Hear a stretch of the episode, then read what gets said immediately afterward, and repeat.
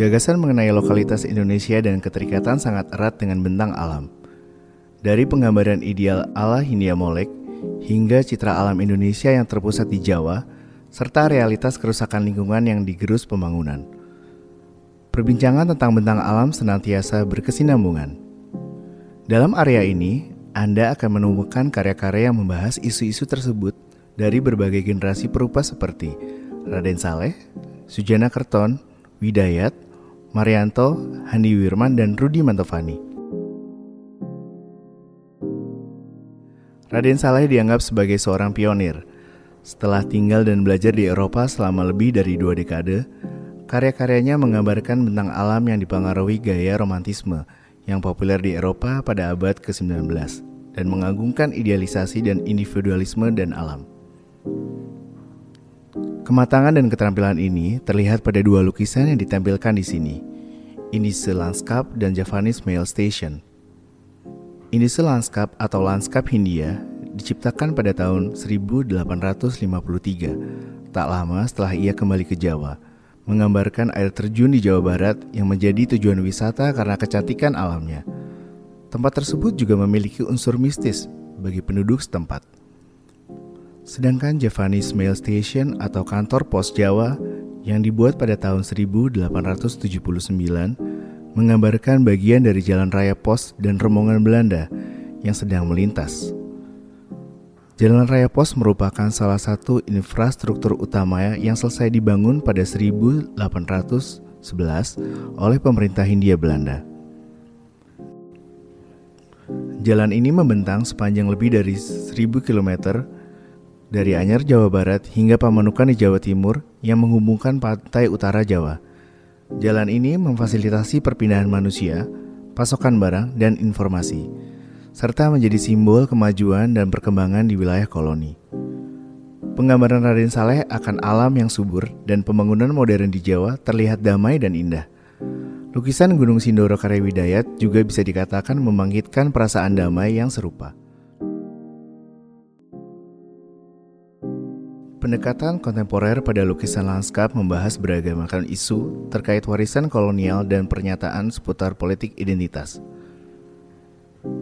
Akibat pemboman di Lengkong Besar Bandung 1945 oleh Sujana Kerton menggambarkan pemboman luluh-lantahkan Lengkong Besar yang terjadi pada Desember 1945. Kerton seperti banyak perupa dalam generasinya sering terlibat untuk mendokumentasikan revolusi nasional Indonesia.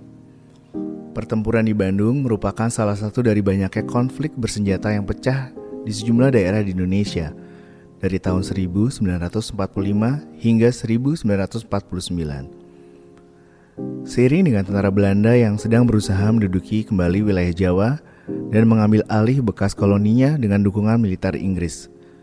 Sehingga upaya untuk menduduki kembali kota Bandung pasukan Inggris melaksanakan serangan besar, mengebom kota, termasuk lengkong besar yang merupakan daerah pemukiman. Akibatnya timbul banyak korban sipil.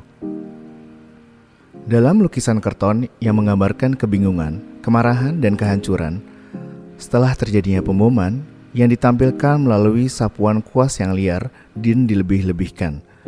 Bentuk manusia yang menyedihkan dalam sebuah komposisi yang dramatis dan kacau balau. Kota ini terbakar. Lubang menganga akibat ledakan.